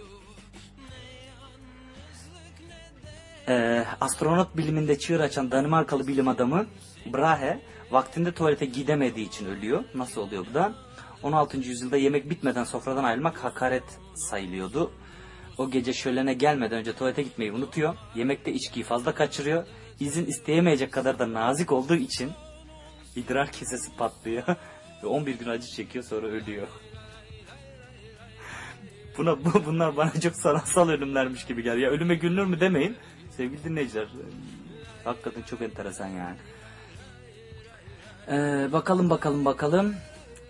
1995'te Coca- e, Coca-Cola makinesinden bedava soda almaya çalışan bir adam aniden fırlayan kola kutusu yüzünden ölüyor. Ee, eskilerden hatırladığım burada yazmayan bir ölüm hatırlıyorum. Japonya'da bir balıkçı okyanusta balık tutarken üzerine inek düşmesi sonucu ölüyor. Nasıl oluyor demeyin. Rus kargo uçağı e, irtifa kaybediyor havada. E, inek yüklü bir uçak.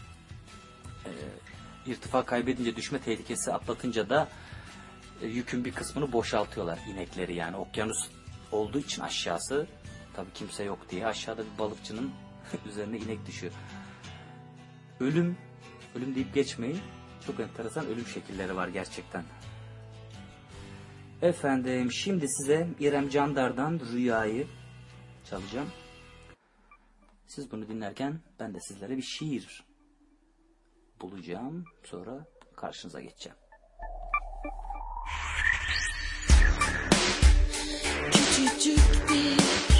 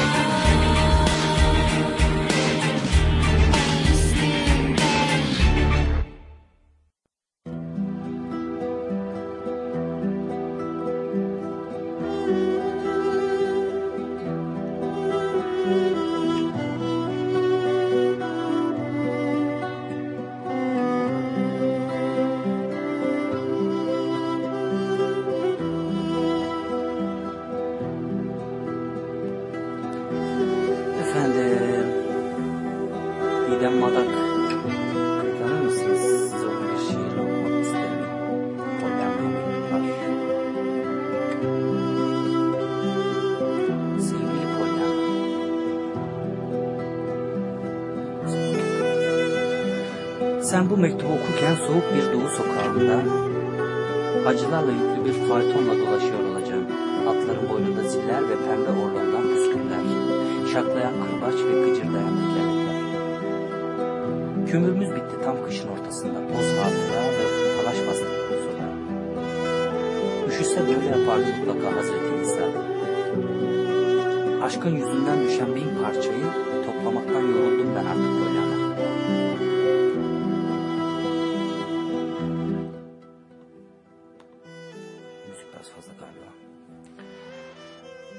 Yolda bavulumu çaldılar. Bana hediye ettiğin o kırmızı elbise de içindeydi. Ne güzeldi. Ben kendime çilek derdim onu giydiğimde. Bakar mısın anne derdim memelerime. İnsanın memesi olması büyük bir çilektir Pollyanna. Güzeldi yine de o yıllar. Küçük sarı pütürleriyle ne çabuk geçti. Ama zaten onu burada giymeme izin vermezlerdi. Belki artık hiç olmaması daha iyi. Çalınmış bir güzellik. Çalınmış bir güzellik, yasaklanmış bir güzellikten daha iyidir. Ama onu asla unutmayacağımı bilmelisin. Dilerim sen pütü kareli gömlekler gibi neşeli, iri dişli bir mısır koçanı kadar mutlu ve yan yanasındır. Belki bir gün beni ziyarete gelirsin. Sana krem fıstıklı ekmek ikram ederim. Artık çok mutlu olacağızlı ekmekler. Süte ekmek doğurar ve papara papara diye şarkı söyleriz. Sen ruhumun misafir odasında uyursun. Süt ve gözyaşı lekeli yumuşak yer yatağında.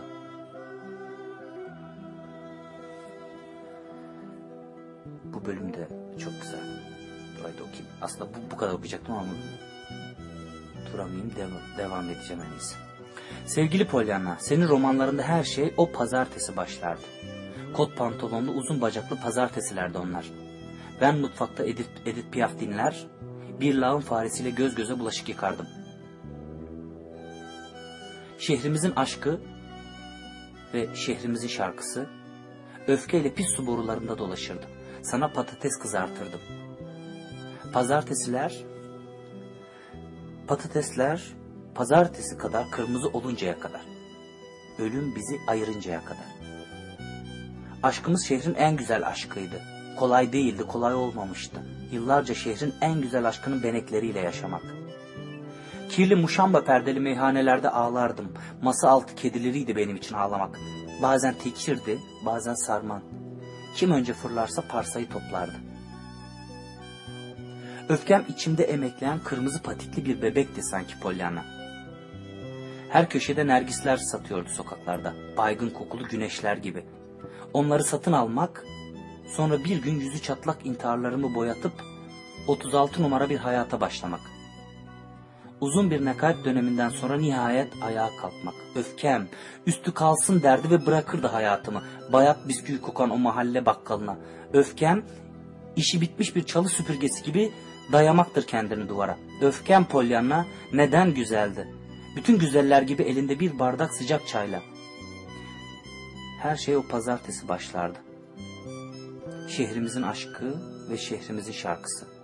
Öfkeyle pis su borularından taşardı.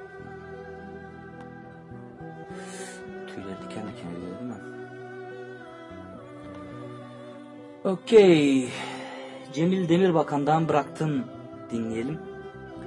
İki şarkı peş peşe çalayım sonra da Melis Balcılar gelsin bu gece gelecektin desin bize.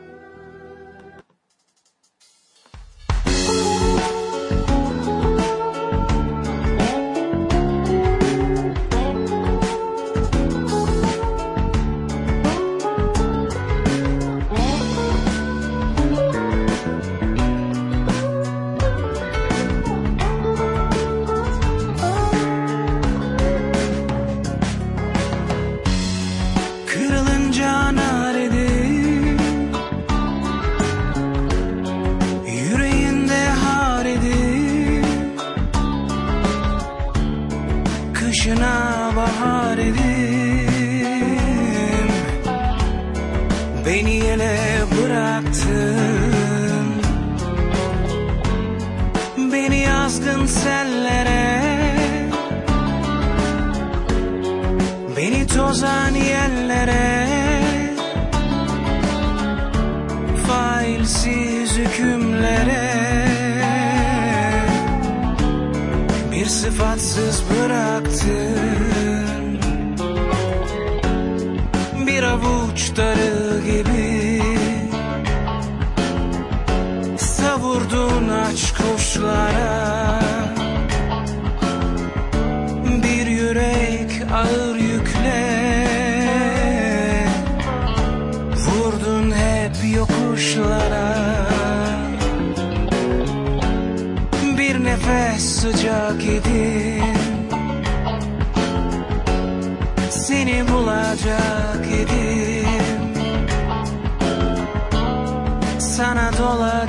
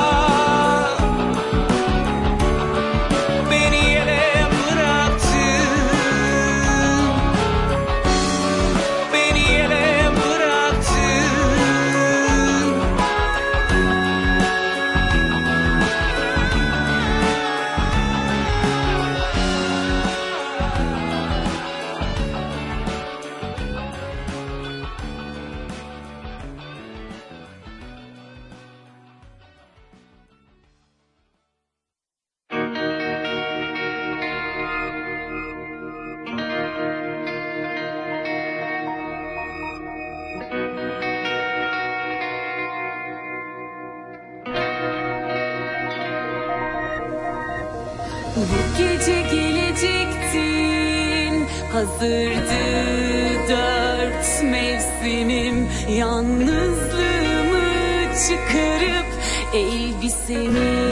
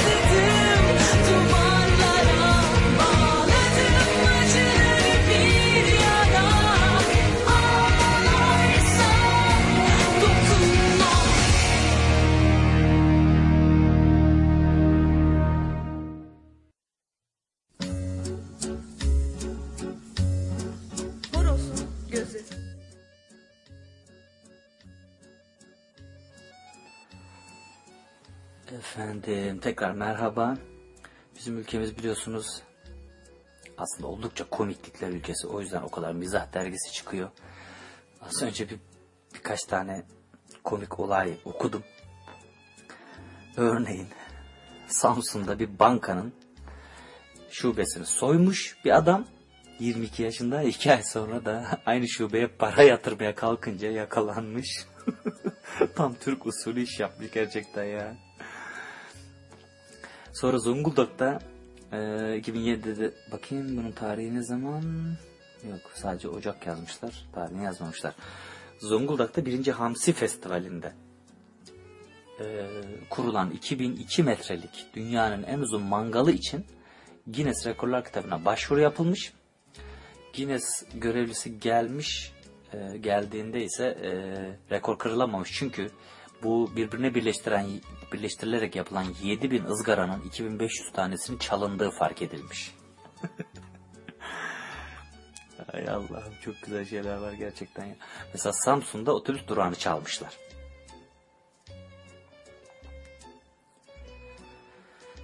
Ah ah hakikaten çok enteresan enteresan şeyler yani.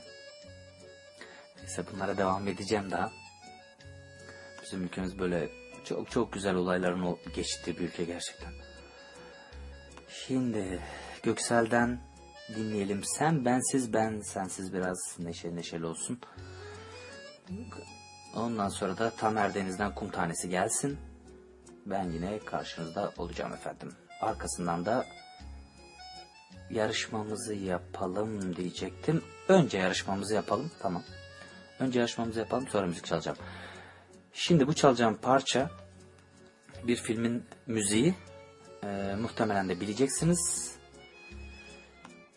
Fi- şarkının birkaç yerinde de filmler replikler geçiyor. Bakalım tanıyabilecek misiniz? Eğer e, filmin ismini bana iletirseniz her zamanki gibi bir kitap hediye edeceğim. Sizin seçeceğiniz bir kitabı. Bir de belki başka bir sürpriz yapacağım. Bir dinleyelim bakalım. Bu filmi tanıyabilecek misiniz?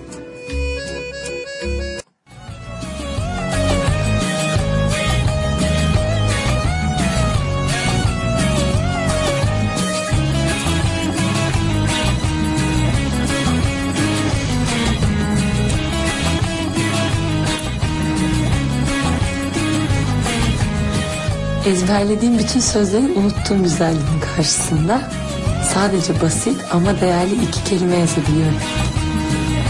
Seni seviyorum.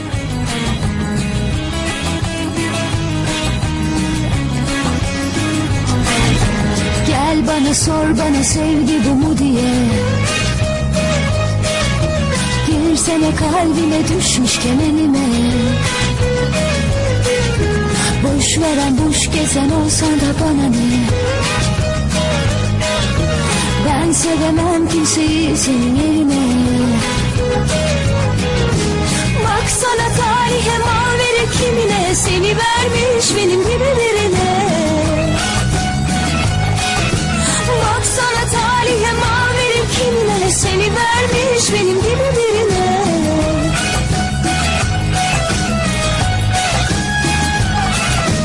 Yandı yandı içim yandı içti aşkı kanmadı Yandı yandı içim yandı. İçti aşkı kanmadı Kalbimin istediğini almak nasip olmadı.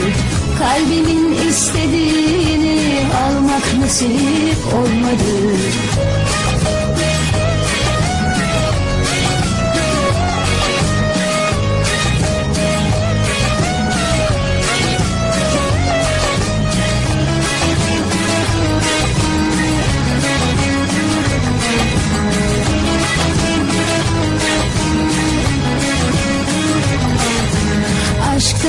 gibisin ya hani bana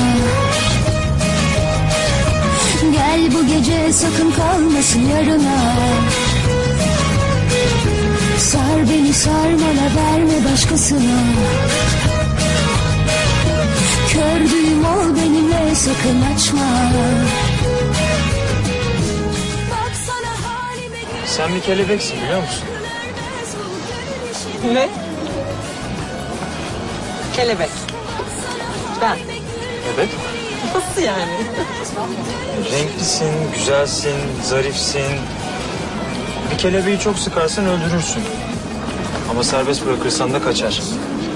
O yüzden sen bir kelebeksin Gözde. Yandı yandı içim yandı içti aşkı kanmadı Kalbimin istediğini almak nasip olmadı Kalbimin istediğini almak nasip olmadı.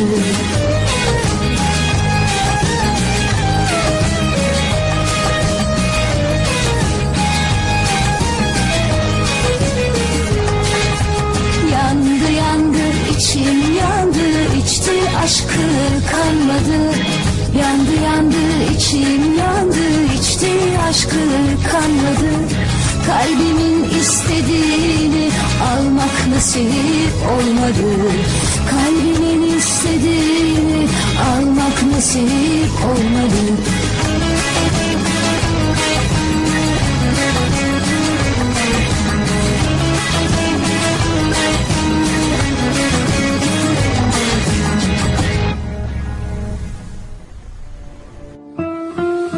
Aşk, aşk yaz yağmuru gibidir. Islanırsın ama bitsin istemezsin. Aşk böyledir işte. Nerede karşına çıkar, nasıl seni ele geçirir kimse anlayamaz aslında. Gün gelir bir bakmışsın aynada kendine, suratında aptalca bir gülümseme. Sen aşıksın arkadaş.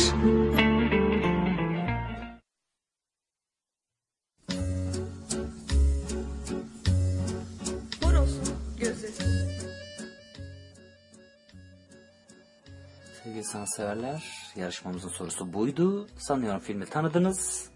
Gece 12'ye kadar vaktiniz var. Bana her kanaldan iletin. Ben de size bir kitap hediye edeyim.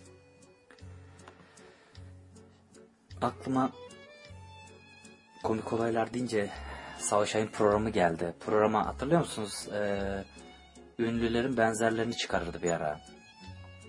Bir ara da şöyle bir şey yapmıştı. Hiç unutmuyorum ben bunu çok gülmüştüm ona. Ee, Ciguli'ye benzerlik yarışması yapmıştı. Ciguli'nin benzerlerini çıkartmıştı. Fakat benzerlerin arasına gerçek Ciguli'yi de koymuştu. Ve halk jürisi gerçek Ciguli'yi e, üçüncü seçmişti. o üçüncü yarışmada üçüncü olmuştu yani. Kendine benzerlerin arasında üçüncü olmak da herhalde enteresan bir durum olsa gerek. Göksel'den devam edelim. Göksel'i çok severim. Sen bensiz, ben sensiz desin. Dediğim gibi arkasından da Taner Deniz gelsin. Kum tanesi.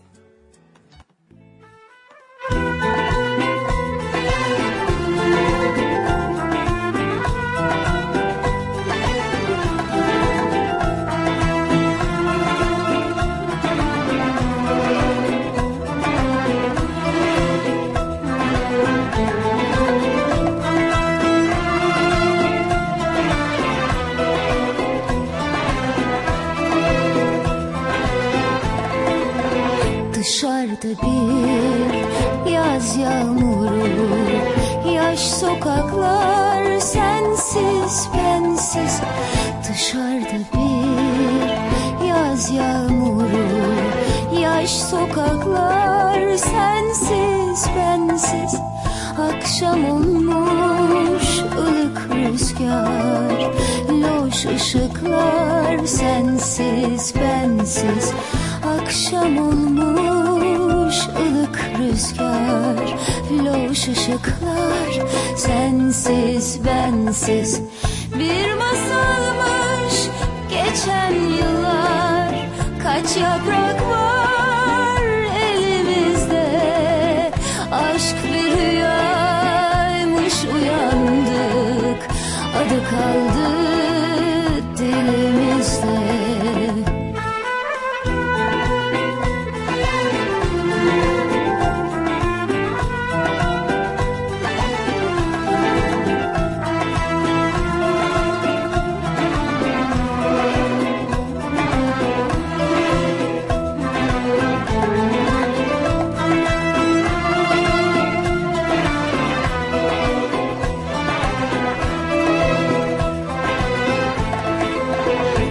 Ses vermiyor. Çalgıları Tavernalar sensiz bensiz Ses vermiyor. Çalgıları Tavernalar sensiz bensiz Masamızda yabancılar Hatıralar sensiz bensiz Masamızda yabancılar Hatıralar sensiz bensiz. Bir masalmış geçen yıllar Kaç yaprak var elimizde. Aşk bir rüyaymış uyandık Adı kaldı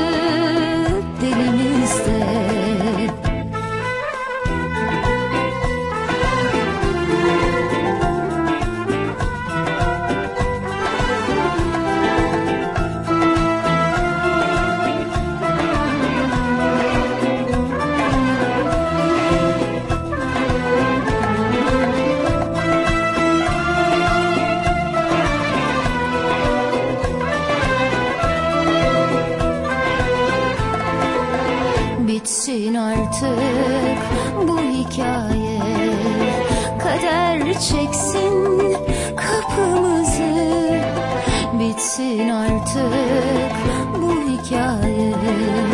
Kader çeksin kapımızı Kapanmışız kalbimize. Sen bensiz ben sensiz Kapanmışız kalbimize. Sen bensiz ben sensiz. Bir masalmış geçen yıllar. Kaç yaprak var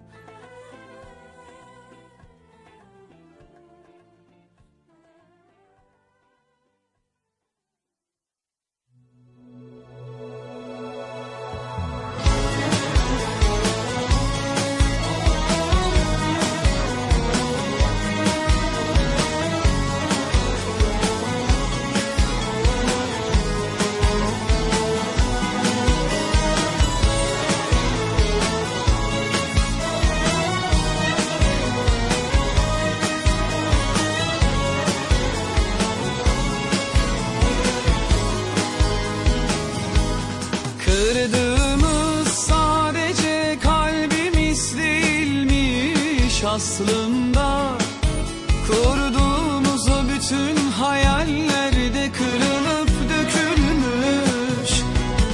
Hatırla biz seninle sarılmadan uyuyamazdık asla. O iki deli aşık iki yabancıya dönüşmüş. Aşk buradan çoktan taşınmış. Sadece kalmış. O yangın bizde çoktan sönmüş. Külle dumanı kalmış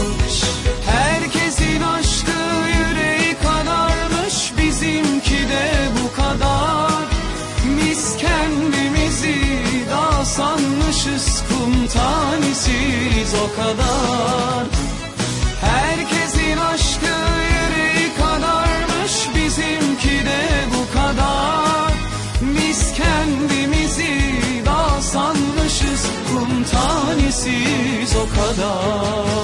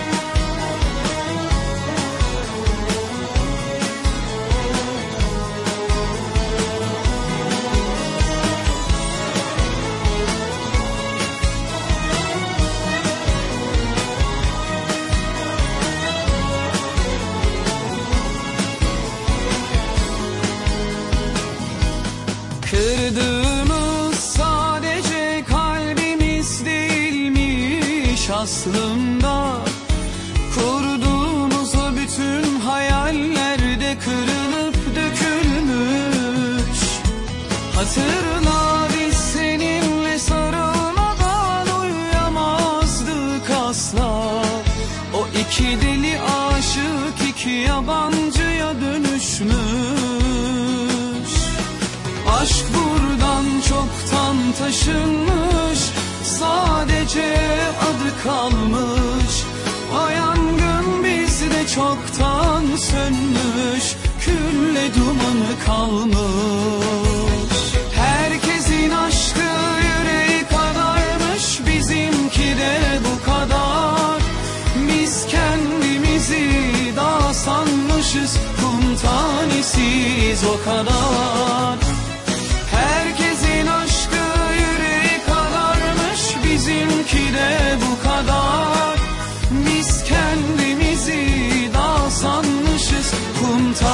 tanesiyiz o kadar Kum tanesiyiz o kadar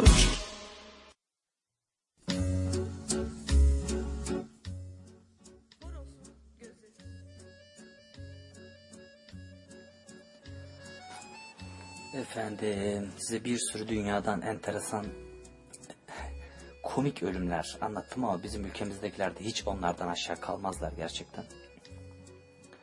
Örneğin Adapazarı'nda yaşanmış bu. Ee, siz hiç arabasıyla yolda giderken radyoda duydu göbek havasıyla coşup göbek atmak için aracını kenara çeken ve otoyolda göbek atarken de arkadan gelen aracın altında kalıp ölen işte bu Tem otoyolunda Sapanca mevkinde olmuş. Bizim ülkemiz hakikaten çok acayip ya. Dünyanın her yerinde insanlar berbere gidip tıraş olurlar ama hiçbir berber rahatlatmak amacıyla müşterinin kafasını sağa sola kanırtırken adam boynunu kırıp öldürmez. Bu da Erzurum'da olmuş. Ve yine Bozcaada'da bankamatikten para çekerken elektrik çarpmış birisi. Biliyor musunuz? Çok acayip gerçekten. Bizim ülkemiz ah ah. Efendim programın sonlarına doğru yavaş yavaş geliyoruz. Şimdi ben size bakıyorum Cüneyt Ergün'den senden başkayı çalayım. Ondan sonra yavaş yavaş programı kapatalım. Fakat 11.30'a kadar da müzik yayınına devam edelim. Her zaman olduğu gibi. Şimdi sizi Cüneyt Ergün'le baş başa bırakıyorum.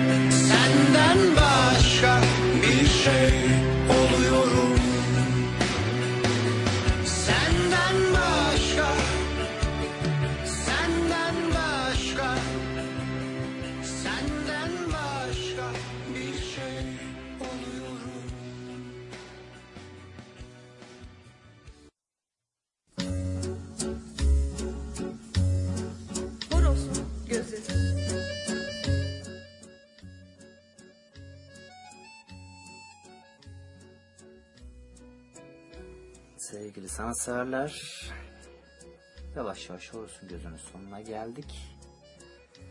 Artık ufak ufak kapatıyoruz programımızı. Size sanat dolu iyi bir hafta diliyorum. Önümüzdeki hafta görüşmek üzere diyorum. Lütfen bana her konudaki görüş, düşünce, eleştiri ve önerilerinizi iletin. Ben de ona göre daha farklı, daha güzel, daha iyi programlar yapmaya çalışayım. Hepinizi çok seviyorum. Sanatla kalın diyorum. İyi geceler efendim. Haftaya görüşmek üzere. Biliyorsunuz yarım saat daha müzik yayınına devam ediyorum. Müzikleri dinlemeye ve istek yapmaya devam edebilirsiniz. Hoşça kalın. Haftaya görüşmek üzere.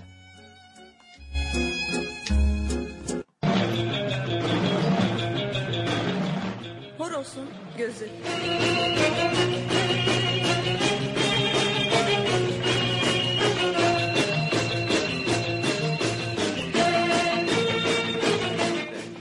Kültür, Sanat, şiir, felsefe.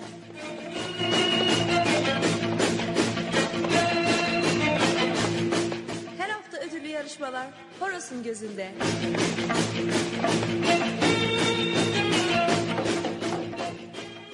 Horozun gözü.